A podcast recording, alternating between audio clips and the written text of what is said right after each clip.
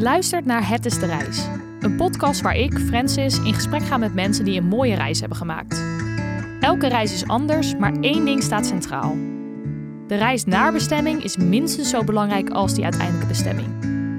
Niet alleen hoppen van bezienswaardigheid naar bezienswaardigheid, maar juist echt genieten van het onderweg zijn.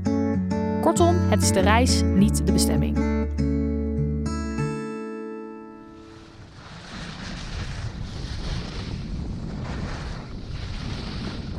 Deze aflevering heb ik Frits en Jaap te gast. Ik ben Frits en wij zijn Frits en Jaap.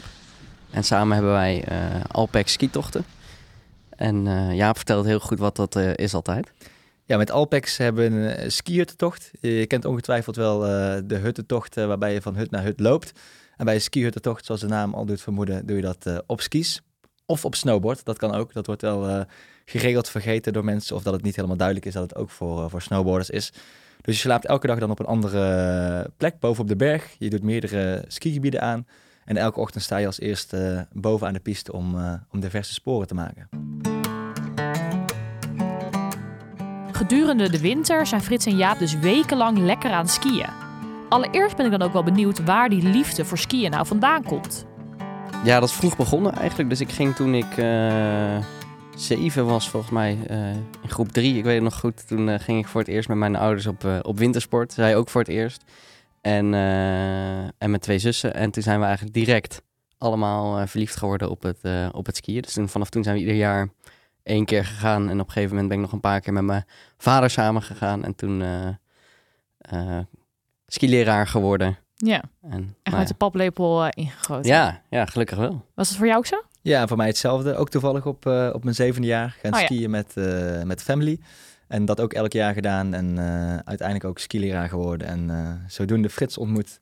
Oh, jullie kennen elkaar van ja, de skileraar? Ja, van de skischool. Ja. Oh, wat leuk zeg. En dan ga je dus zo'n, als student ga je dan een seizoen daar naartoe en dan geef je dus les aan kinderen, toch? Dat, Ook, ja. Dus zowel kinderen als volwassenen. Okay. In het begin is dat wel meer kinderen. Ja. Um, en wij waren uh, nog student, ja, wel in de masterfase. Dus uh, je ziet wel dat veel mensen bijvoorbeeld tussen de middelbare school en de ja. um, universiteit, of in ieder geval de vervolgopleiding. Uh, wij waren iets later. En nou, toen hebben we in ieder geval beide gekozen om dat in Vies te doen, in Oostenrijk. En okay. nou, daar elkaar leren kennen. Oké. En kun je misschien wat zeggen over hoe skigebieden verschillen, zeg maar, in Europa? Is Oostenrijk wel echt de beste plek om te skiën? Ja. Oké. uh, ja, maar dat is een heel persoonlijke voorkeur. Uh, ik heb wel ook in Frankrijk geskiet, in Italië, Zwitserland. Um, ik vind zelf Oostenrijk het leukste. Uh, en daarom gaan wij dus ook altijd naar Oostenrijk. Want Jaap is daar misschien nog extremer in dan ik. um, maar de gebieden of de landen verschillen zeker. Uh, dus natuurlijk binnen een land is er ook verschil tussen de verschillende gebieden, maar uh, je ziet wel vooral tussen landen verschillen. Dus waar Frankrijk heeft wel een stuk bredere pistes, is ook over het algemeen wel hoger. Uh, daardoor vaak iets sneeuwzekerder. Um, maar wel weer heeft een minder gezellige sfeer op de piste. Ja. en een andere après-ski, waar het echt meer, echt meer disco of s s'avonds nog juist meer gebeurt, is het bij in Oostenrijk direct na de na het skiën uh, gaat het van start uh, bij de, ja, de. Ja, precies. Oké, okay, dus dat vinden jullie wel persoonlijk dus fijner, zeg maar, dat het zo ja, op die manier Ja, ja, dan heb je meer ja. de, de full package. Dus dan is het niet ja. alleen maar het skiën, maar ook alles eromheen wat het mooi maakt. Ja, precies. Ik hoor altijd dat het wel ietsjes duurder is dan in Frankrijk. Ik ging zelf ook altijd in Frankrijk toen ik student was, zeg maar. Is dat ook zo? Durf ik niet uh, te zeggen, want ik ga eigenlijk altijd naar Oostenrijk toe. Ik ja. ken wel de, uh, de reizen als je student bent, bijvoorbeeld bij, uh, bij een Husk is dat volgens mij. Ja, en dan precies. kun je voor 400 euro heb je dan een appartement en, en skipas en materiaal. Ja. Um, in Oostenrijk denk ik niet dat per se ja, je dat kunt daar wel zulke zijn. deals sluiten. Ook wel met reisorganisaties. Daar heb ik ook wel eens voor heel goedkoop ben naar Zulde geweest of iets dergelijks. Maar ja, die groepsreizen die gaan ook allemaal omdat daar veel meer van die groepsaccommodaties zijn. Ja, exact. Ja. Uh, dus dan heb je gewoon die hele hot hotels vol met uh, ja. hokjes. Ja, maar de sfeer is dus wel echt leuker in Oostenrijk. Iets meer Ja, vinden wij wel. compleet ja. pakket. Ja. Oké. Okay. En uh, nu, jullie zijn dus dit gestart, Alpex. Hoe mm -hmm. is dat idee tot stand gekomen, skihuttentocht? Nou, zoals elk goed idee uh, ontstaat dit ook in de kroeg. Ja. Uh, dus Frits en ik kennen elkaar van de skischool, zoals gezegd. Niet uh, zo heel lang daarna zijn we allebei gaan werken. In ieder geval onze eerste echte, echte baan. En toen heb je, ja, je hebt standaard 25 vakantiedagen. En toen kwamen we erachter van ja, dat is toch wel aan de, aan de weinige kant. Ja. Ehm, kunnen we niet iets doen dat we meer kunnen skiën? En toen zaten we een avond in de kroeg en toen hebben we gekeken, ja, wat zijn dan verschillende mogelijkheden? En uiteindelijk eh, zijn we op het eh, concept uh, skihuttentocht uitgekomen. Mede omdat Frits natuurlijk dat één keer eh, gedaan had in Italië. Oké. Ehm, en toen zijn we dat gaan onderzoeken eh, in de avonduren om te kijken, kunnen we zoiets organiseren in Oostenrijk? Ehm, Bestond dat al vanuit Nederland, zeg maar, zo'n skihuttentocht in Oostenrijk?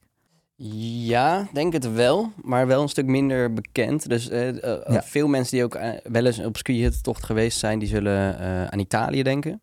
Ehm, en eh, omdat daar, nou, je hebt je Sella Ronda, eh, dat, en daar zit een heel groot gebied bij, dus daar is het ook heel goed mogelijk. Dus daar zijn heel veel mensen die het doen. Ehm, en, dat was, en daar had ik hem ook gedaan. En precies, Jaap en ik spraken toen eh, daarover onder andere. En wat we net ook al aangaven, is precies wat we misten, was eigenlijk die gezelligheid en het, het totaalplaatje. En het skiën was daar heel mooi, je, je kunt daar goed eten, je hebt daar lekkere koffie natuurlijk.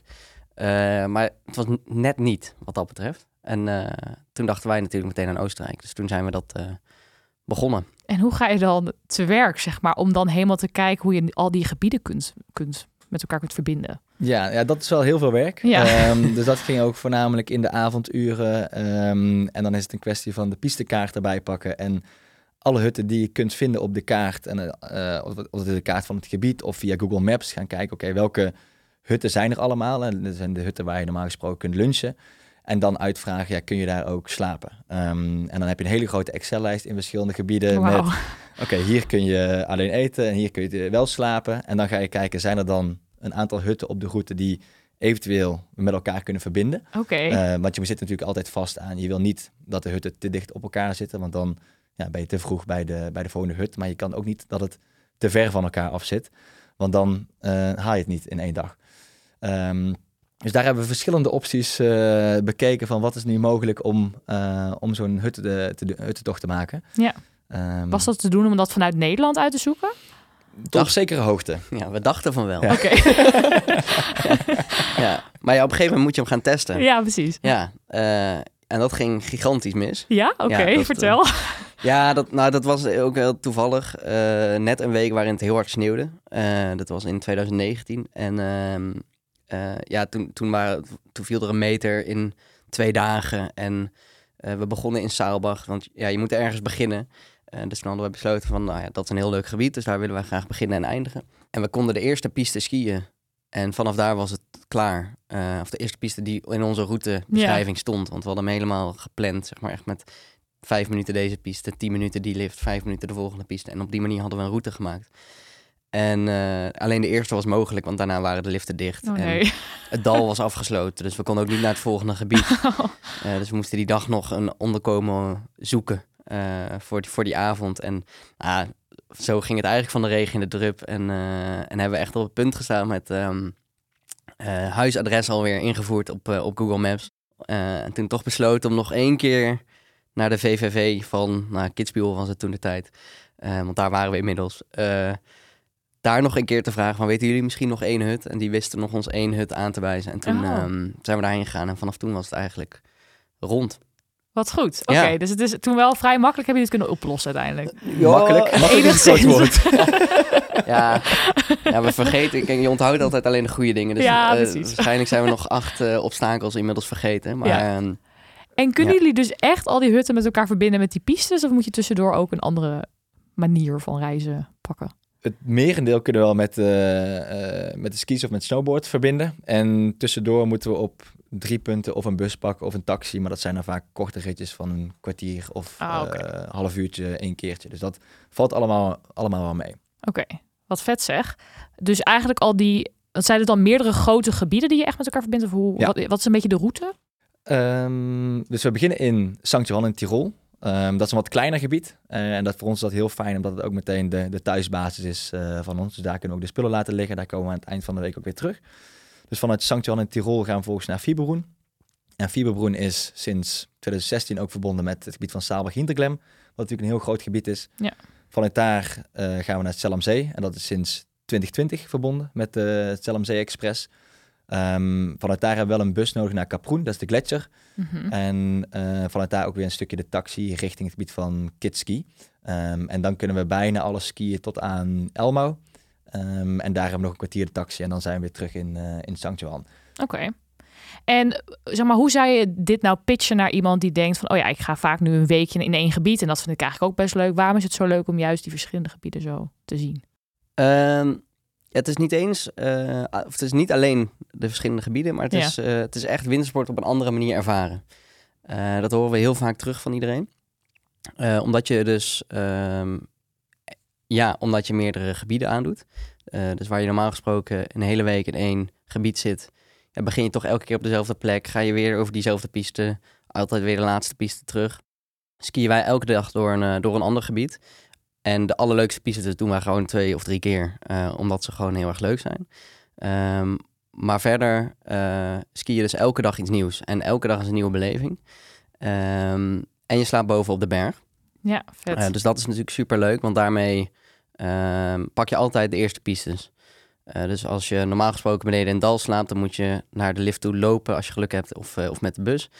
En sta je met z'n allen, eh, als je vroeg genoeg opstaat, eh eh bij de lift te wachten om de eerste piste te pakken. Ehm, en tegelijkertijd staan wij dus eigenlijk al daarboven en pakken wij al de pistes richting de volgende lift.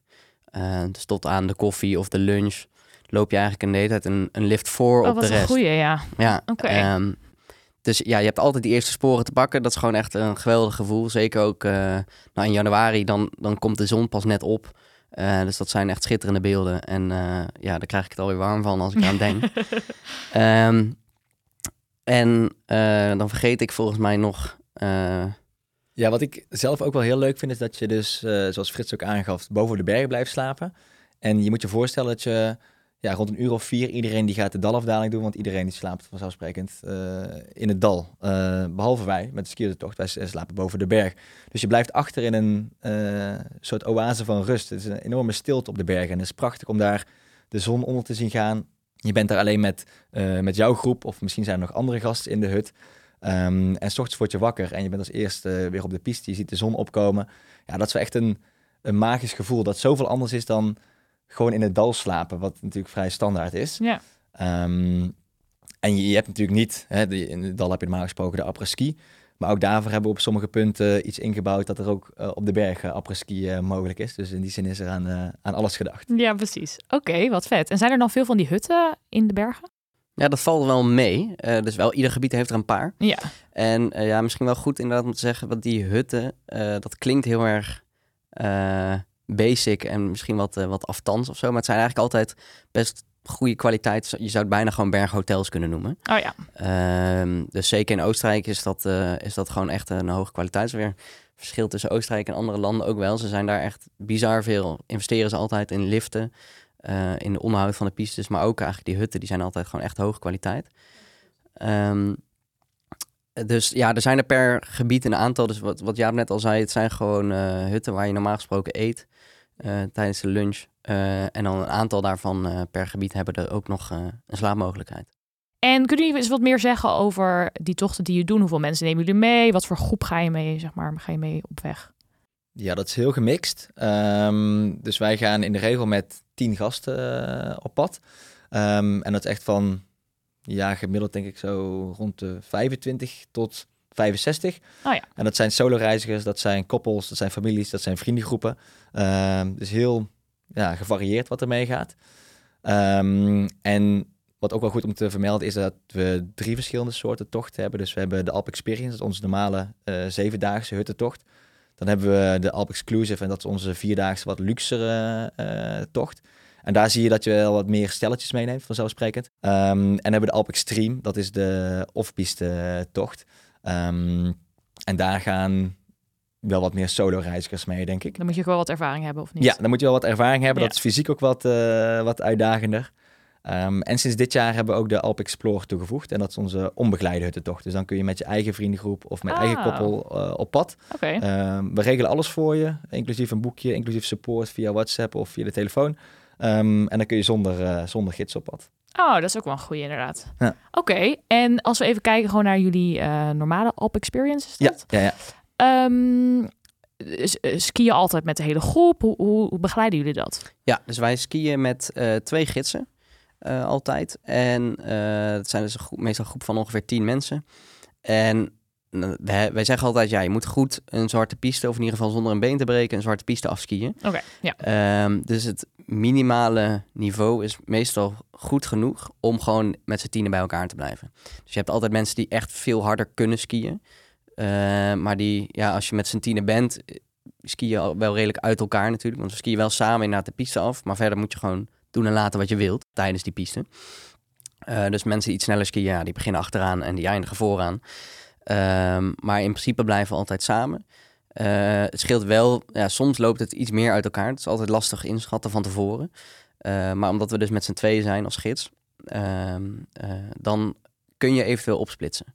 Ah, ja. Dus ook als er, of als er iets misgaat, iemand laat zijn stokken liggen in een bus, verliest een handschoen, eh, of een schoen gaat stuk of zoiets dergelijks, dan kan altijd even één iemand met, eh, met, met hem of haar mee. Oh. En dan gaat de rest van de groep gewoon door. En ik kan me voorstellen dat je dus ook best wel een hechte band dan krijgt met zo'n groep. eh.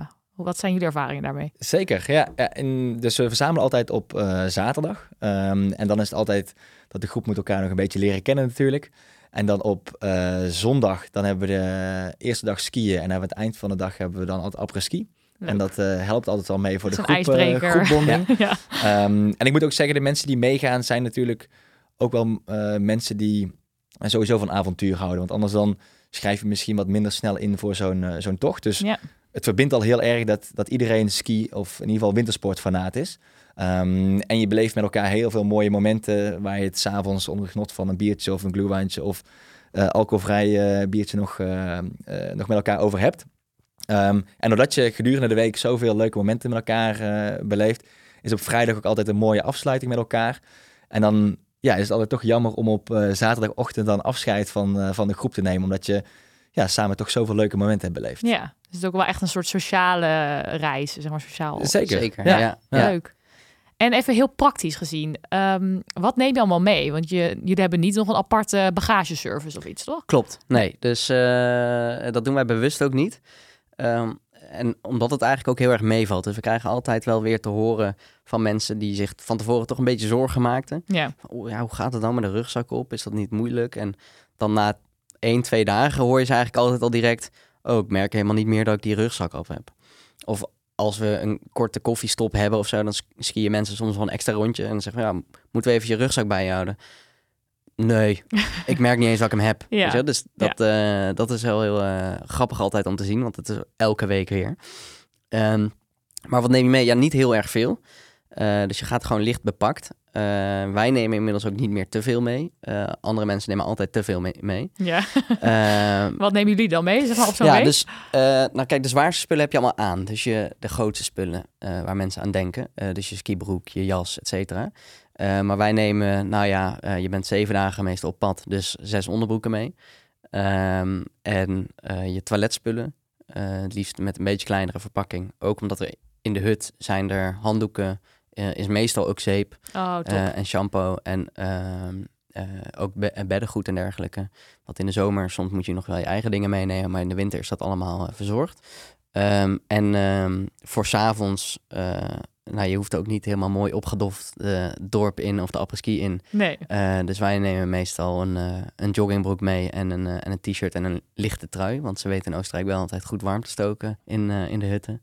Ehm, en nog een extra thermoshirt eh, en een extra paar skisokken. eh, afhankelijk van eh, hoeveel je zweet en hoe snel je zweet. Eh, Dus dat is het eigenlijk. Dat is het, Ja, ja. Dat, dat kan je inderdaad wel in een klein rugzakje kan je dat wel Ja. eh, meenemen. ja, nee, absoluut. Dus Ja. wij hebben meestal, of wij hebben altijd een, een, een, tas van eh 24 liter volgens mij.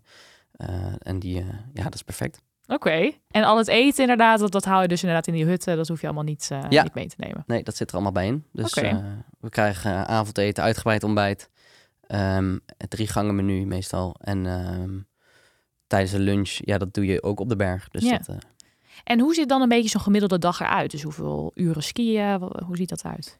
Eh, we skiën gemiddeld denk ik 35 kilometer. De ene dag, ene dag wat meer, de andere dag wat minder. Eh, dus je moet je voorstellen dat je bijvoorbeeld 's ochtends eh, kwart voor acht buiten staat. Dan skiën we dus meteen de eerste piste. Ehm, afhankelijk van waar we heen skiën, zorgen dan dat we ook weer als eerste bij de lift staan. Ehm, en dan pakken we zo rond tien uur denk ik even een koffiepauzetje. Ehm, en dat is ook altijd de mogelijkheid dat mensen kunnen zeggen... oh, ik ga zelf nog een rondje skiën. Dus Oh, voor ja. ieder wat wils. Eh, Ja. Dus het is niet zo dat, eh, dat je per se bij de groep moet blijven. Dus we hebben ook dat soort momenten ingepland... dat mensen gewoon extra, extra pistes kunnen pakken. Ehm, dan rond kwart over twaalf, half één is de lunch. En dan skiën we het laatste stuk tot, eh, tot de hut. En dan zijn we daar meestal zo rond half drie, drie uur, denk ik. En afhankelijk van de hut kun je dan ook nog daar je tassen laten en dan zelf nog een rondje gaan skiën of, Oh, eh, wat of snowboarden. Ja. Ehm, en dan eten is meestal, denk ik, rond half zeven, zeven uur. En dan s'avonds wordt er of een spelletje gespeeld of de mensen gaan een boekje lezen. Ehm, en dan, ja, afhankelijk van de avond, dan eh, of vroeg of laat naar bed. Meestal vroeg. Ja, meestal. ja, dat kan ik me voorstellen. Ja. Wat wel vaststaat is de volgende dag weer vroeger uit. Ja. Ehm, En dan begint het weer, eh, weer opnieuw. Is het dan echt, dan trommelen jullie iedereen gewoon op van, eh, kom op, eh, we gaan er weer vandoor? Ehm, nou, mensen weten van tevoren wel, oké, eh, zo laat eten we vanavond en zo laat willen we morgen ontbijten en zo laat willen we buiten staan. Ja. Eh, daar zijn we ook redelijk strikt in. Eh, want eh, hoe eerder je buiten bent, hoe meer je kunt genieten van de vers geprepareerde pistes. Ehm, dus daar proberen we dan wel semi-strikt op te zijn. Het blijft natuurlijk vakantie, maar nee, eh, precies. ja, moeten wel met z'n allen zoveel mogelijk kunnen genieten. Ja, Ja. En iedereen, iedereen is daar heel erg bewust van en staat ook uit. Dus je hebt ook een groepsdruk, want je wil ook niet elke keer dat jij die ene van de tien bent waar dan tien mensen op staan te wachten. Nee, Dat- dat kan ik me Ja. voorstellen, ja. Oh, ja dan dus s'avonds kan het ook wel gewoon gezellig nog een spelletje gespeeld worden, maar voor de rest wel heel relaxed. eh, Dus. Ja, ja, maar Nice. kan, ja, kan ook veel gedronken worden. maar Ja, dat- precies. Ja. nou ja, klinkt, klinkt top toch? Ja, dat Ja. iedereen ook een beetje zelf kan kijken hoe die zijn eh, avond Ja. invult. Voor ieder wat wils. En nou, jullie hebben dus een hele route, allemaal verschillende gebieden. Kunnen jullie misschien eens iets uitlichten waarvan je zeggen dat is een hele mooie piste of een heel mooi gebied? Ja, ja, vind ik verschillen een beetje van mening, maar we zijn het wel bijna altijd met elkaar eens. Dat is hier wel heel dicht bij elkaar. Ja, Ehm Jaap heeft lesgegeven in, eh in Saalbach. Eh, ook nog, want we hebben elkaar in Vies leren kennen, maar in, in Saalbach heeft Jaap ook nog een jaartje lesgegeven. En eh, nou ja, daarom ben jij daar wel verliefd op geworden. Klopt. en het is Ja. wel echt een topgebied. Het is superleuk, supergezellig, supergoeie liften, veel kilometers. Eh, dus allemaal top geregeld daar. Ehm, zelf vind ik dat het gebied van Jochberg veel minder bekend. En dat is achterin het gebied eigenlijk van Kitzbühel. Eh, vind ik super mooi als het mooi weer is. Want daar zijn de liften wel iets ouder. Eh, maar er zijn hele brede, mooie pistes. Het is super rustig. Eh, het is daar heerlijk. Maar ja, dus als het super hard sneeuwt en je zit daar in een lift zonder kap, dan ben ik toch liever in Saalbach. ja oké. maar anders dan, vind ik, ja, dan is het daar echt, echt prachtig skiën. Oké, dat is misschien dan dus iets meer ook een hidden gem, zeg maar, voor mensen Ja, die... Ja, Ja, zeker. Oké, goede tip. Ja. Is er een, een van de reizen die jullie gemaakt hebben met een groep waarvan jullie denken dat was wel echt heel memorabel? Nou, ik, waar ik meteen aan moest denken, die is wel heel memorabel. Want het eentje die wel redelijk in de soep liep. Eh, omdat, eh, of nou ja, redelijk in de soep. eh, we konden niet onze normale route volgen, omdat het zo hard sneeuwde. Ehm, eigenlijk net als bij onze verkenningstocht. Maar er was ook een keer met allerlei gasten. Dus waren we met een groep van tien man onderweg. En toen sneeuwde het zo hard dat we ingesneeuwd waren in een hut. Oh ja. Ehm, en toen, lagen we, en toen sliepen we namelijk net iets van de piste af. Eh, en dan zouden we normaal gesproken met de sneeuwscooter teruggebracht worden richting de eerste lift. En eh, dat kon niet. En het waaide ook zo hard dat ook de pisteboelie niet over de kam van de berg durfde te rijden. Dus die kon ons niet ophalen. Eh, maar toen nou ja, moesten we wachten daar in de hut. En toen na twee uur was hij er toch ineens. Dus we moesten ineens hals over kop met z'n allen in die pisteboelie. Eh, toen werden we toch teruggebracht naar het gebied. En ehm, eh, toen skieden we daar wel eh, dus eigenlijk over een soort van ongeprepareerde piste. Zo voelde het in ieder geval. Hij was die ochtend nog geprepareerd, maar inmiddels lag er alweer Oh ja. 20, 30 centimeter bovenop. Ehm, en toen konden we ook niet naar de volgende, het volgende gebied toe. Dus toen hebben we uiteindelijk in het dal geslapen. Maar die dagen hebben we wel heel vet geskiet. Omdat nou ja, je skiede onder de liften door, zeg maar, buiten de piste. Oh ja. En je ging omhoog weer en je zag je eigen sporen al ongeveer niet meer, omdat dat alweer weggesneeuwd was. Ehm, en dat vond iedereen toch ook wel weer heel erg vet. Ja. Dus nou ja, dat was zeker een memorabele ja, dat geloof ik wel, ja. tocht wat dat betreft. Ja. Ja, goed voorbeeld. Heb jij er dus wel nog eentje bedacht?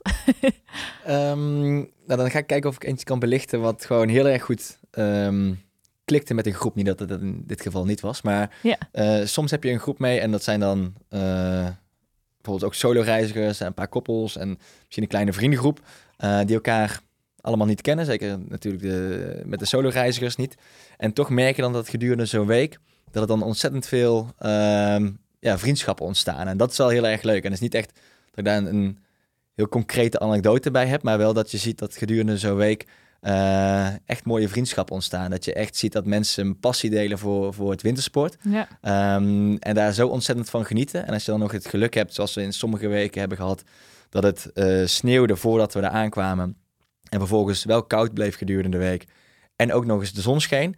Ja, dan is elke dag is dan bijzonder. En als je dan eh, mensen ziet genieten en je ziet eh, die twinkeling in de ogen, dat is wel echt heel gaaf om te zien. ja, wat cool. En wat nice inderdaad dat je meteen zo'n verbinder hebt in zo'n groep. Ik kan me voorstellen Ja. dat het heel goed werkt inderdaad. Zeker. Ja. Ja. Nou ja, misschien wel een heel goed voorbeeld was dit jaar. Dat is natuurlijk staan nog op ons netvlies. Maar een paar weken geleden waren we met een groep op pad. En die, eh, eh, die zeiden aan het eind van de week eigenlijk met z'n allen... waren nee, twee van de, van de tien die kenden elkaar al. En de rest was allemaal eh, alleen mee. Eh, en aan het eind van de week zeiden ze eigenlijk... We gaan met z'n allen volgend jaar weer. Echt? Oh, wat leuk. En we willen, we willen gewoon weer met z'n allen mee. Wat Eh, vet.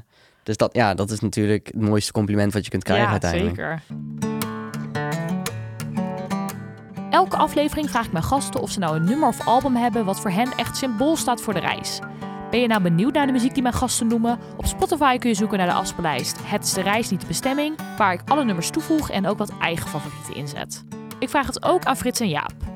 Iets dat echt wel het, het wintersportgevoel bij ons eh, losmaakt. Dat is dat eh Tirol Demlanti Troje. Ehm, dat is gewoon een mooi klassiek nummer. En eh, daarvan krijgen we meteen het, het juiste wintersportgevoel. Oké, Oostenrijkse wintersportgevoel. Ja, dat is wel goed om te vermelden. Tirolse wintersport. Ja, het gaat over het, eh, eigenlijk het... eh, eh, De het, provincie Tirol. ja, dus het, het soort het lijflied van, van Tirol. Dus eh, Oké. niet het officiële lied, maar... eh, nou ik kan me voorstellen dat het wel een nummer is wat je hier aan doet denken. Nee, ik, eh, ik ken het niet, maar ik ga het er zeker ja, ik kan hem heel inzetten. goed voorzingen. En even voor de luisteraar die eh, misschien ook wel een keer zo'n skihuttentocht eh wil doen. Natuurlijk moet ze het bij jullie doen, maar is het ook mogelijk om het zelf te organiseren? Nou ja, dus eh, daar hebben we iets voor bedacht. Ehm, eh, want niet iedereen wil inderdaad altijd met een groep mee. Dat kan af en toe, dat is, horen we best wel vaak van ja, nou, wat voor mensen gaan er dan mee en eh, vind ik die wel aardig? Ehm, of sommige mensen die zijn gewoon, ja, die zijn liever met zichzelf of met een eigen familie of groepje. Eh, en eh, daarom hebben wij dus een nieuw concept eigenlijk bedacht waarbij je zonder groep op pad gaat en ook zonder gids. Ehm, want inderdaad, als je het allemaal zelf uit moet gaan zoeken. Eh, nou, dat hebben we al verteld. Dat is best wel Ja. eh, lastig. En als je dan voor elke tocht die je wil gaan maken. eerst twee mislukte testtochten maakt. dan weet ik niet of je de leukste jaren van je leven hebt. Ehm, dus eh, daarom hebben wij de Alp Explorer bedacht. ehm, waarbij je zelf de, de tocht gaat ontdekken. En wij een, dus jou eigenlijk zonder, zonder gids op pad sturen.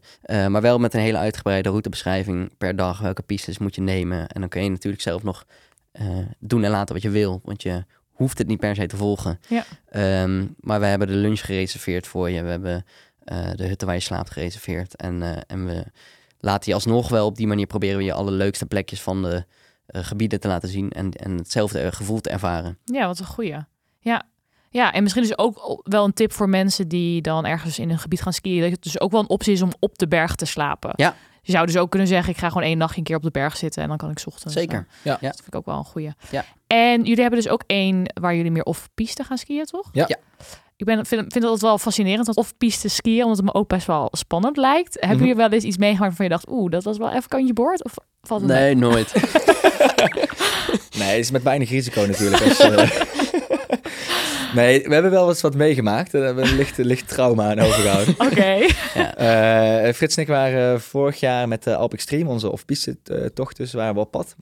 Ehm, dat was de laatste dag, het was goed weer. En ehm, we waren met een mannetje of zes, zeven op pad, denk ik. En op een gegeven moment komen we bij een punt waar het best wel eh steil is. En op een steile piste heb je natuurlijk meer kans dat het gaat glijden. Ehm, en op dat moment hoor je opeens een knal. Dat is een best wel een doffe klap. En dat is eigenlijk de klap die je hoort als er ook een lawine afgaat. En wij stonden net op een punt dat je naar boven kon kijken, maar je, je, je kon eigenlijk niks zien. Dus je kon je slecht oriënteren. Ehm, uiteraard hebben we wel airbag om en een, ehm, een pieper om waarmee je gevonden kunt, eh, kunt worden. Ja. Nu herinner ik me dat Frits net die tas af aan het doen was. Ja, ik, ik had het warm, dus ik was mijn jas aan het uitdoen. Dus ik had die airbag niet op. Oh nee. Dus dat was vrij tricky. Ja. Ehm, en doordat je in zo'n... We zitten in een hoog alpine gebied en die klap die galmde ook heel erg. En op dat moment sta je eigenlijk gewoon verstijfd en ehm, hoop je gewoon dat er boven je geen lawine naar beneden komt. Ehm, dus toen hebben we een klein schietgebedje gedaan. en dat had geholpen. Toen kwam er gelukkig niks naar beneden. En toen, twee minuten later, was het weer raak. Want toen was er weer, kwam er weer zo'n klap. Ehm, ja, dus dat was wel tricky. Eh, maar er gebeurde niks. Er kwam ook nee. nergens in de buurt een lawine naar beneden. Maar dat was ergens anders in het, eh, in het gebied. Ehm, en dit jaar was er ook wel een spannend moment. Dus als er een lawine afgaat, dan, dan scheurt er dus eigenlijk een deel van de piste af. Ehm, en bij het laatste stuk waar we naar beneden gingen, toen begon die scheur net zo te ontstaan. Dus ik zag hem eigenlijk ontstaan boven me. Ja. Ehm, dus toen ben ik snel doorgeschiet. Ja, me goed. Ja. Oké. Eh, dus dat is best tricky. Maar ja, ja. eh, Wat wel deel goed, van we zijn daar, eh, we zijn daar met, altijd met een, met een Oostenrijkse gids op pad die het gebied goed kent Oh. eh, en helemaal eh, gediplomeerd is, et cetera, want anders mag het ook niet. oh ja, goed ja. Dus eh, het is niet inderdaad dat we gewoon random met Nee. mensen ergens Nee, omhoog lopen. ja. Nee, dus mensen die wel ook echt heel goed kunnen skiën en dat ook wel spannend en leuk vinden, dat is ook wel echt een goede optie dan. eh, voor- Zeker, ja. Leuk. Oké, ehm, even kijken hoor. Ik sluit het af. Mijn podcast is natuurlijk Het is de reis, niet Mhm. de bestemming. Eh, en nou, bij zo'n reis zijn je natuurlijk ook eigenlijk de hele dag ben je onderweg. Waarom vinden jullie het leuk om ja, een beetje die sportieve manier van reizen, onderweg zijn, om dat eh, te doen? Ehm, nou, zoals we in het begin ook zeiden, dus naast Alpex zitten we nog negen maanden wer- ja, werken we voor onszelf, zitten veel op kantoor. Ehm, en ja, van, van thuis uit zijn we denk ik sportief aangelegd. Dus heel lekker om naast je kantoorbaan gewoon drie maanden buiten te zijn, in de bergen, ehm, lekker aan het sporten. Ehm, ja, dat, dat is eigenlijk het, wat het zo lekker maakt. Want daarom zijn we het ook begonnen natuurlijk. Ja. Eh, juist. En eh, ja, we hebben het geluk dat we dat, eh, dat, we dat kunnen doen. Eh, zowel eh, qua werk als, eh, als qua eh, fysiek.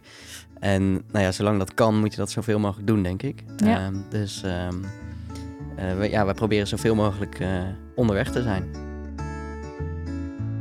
Dit was Het is de Reis. Benieuwd naar wat foto's van de skihuttentochten van Frits en Jaap? Check dan de Het is de Reis Instagram pagina. Tot volgende week!